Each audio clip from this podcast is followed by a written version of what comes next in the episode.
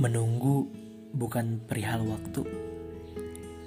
Kita bisa menanti sesuatu yang lama sekali dengan kebahagiaan, tapi juga bisa menunggu sebentar saja, lalu mati bosan.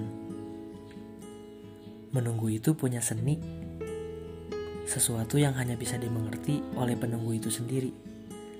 Kadang mustahil bisa dipahami, bahkan oleh orang yang ditunggu. Menunggu itu perihal rasa. Kalau kamu cinta, kamu tak akan peduli berapa lama dia pergi. Kamu tahu, dia akan kembali. Kalau kamu sayang, tak peduli berapa lama dia mandi, dan tak peduli berapa lama dia dandan. Menunggu itu tak pernah membosankan. Itu kalau kamu sayang.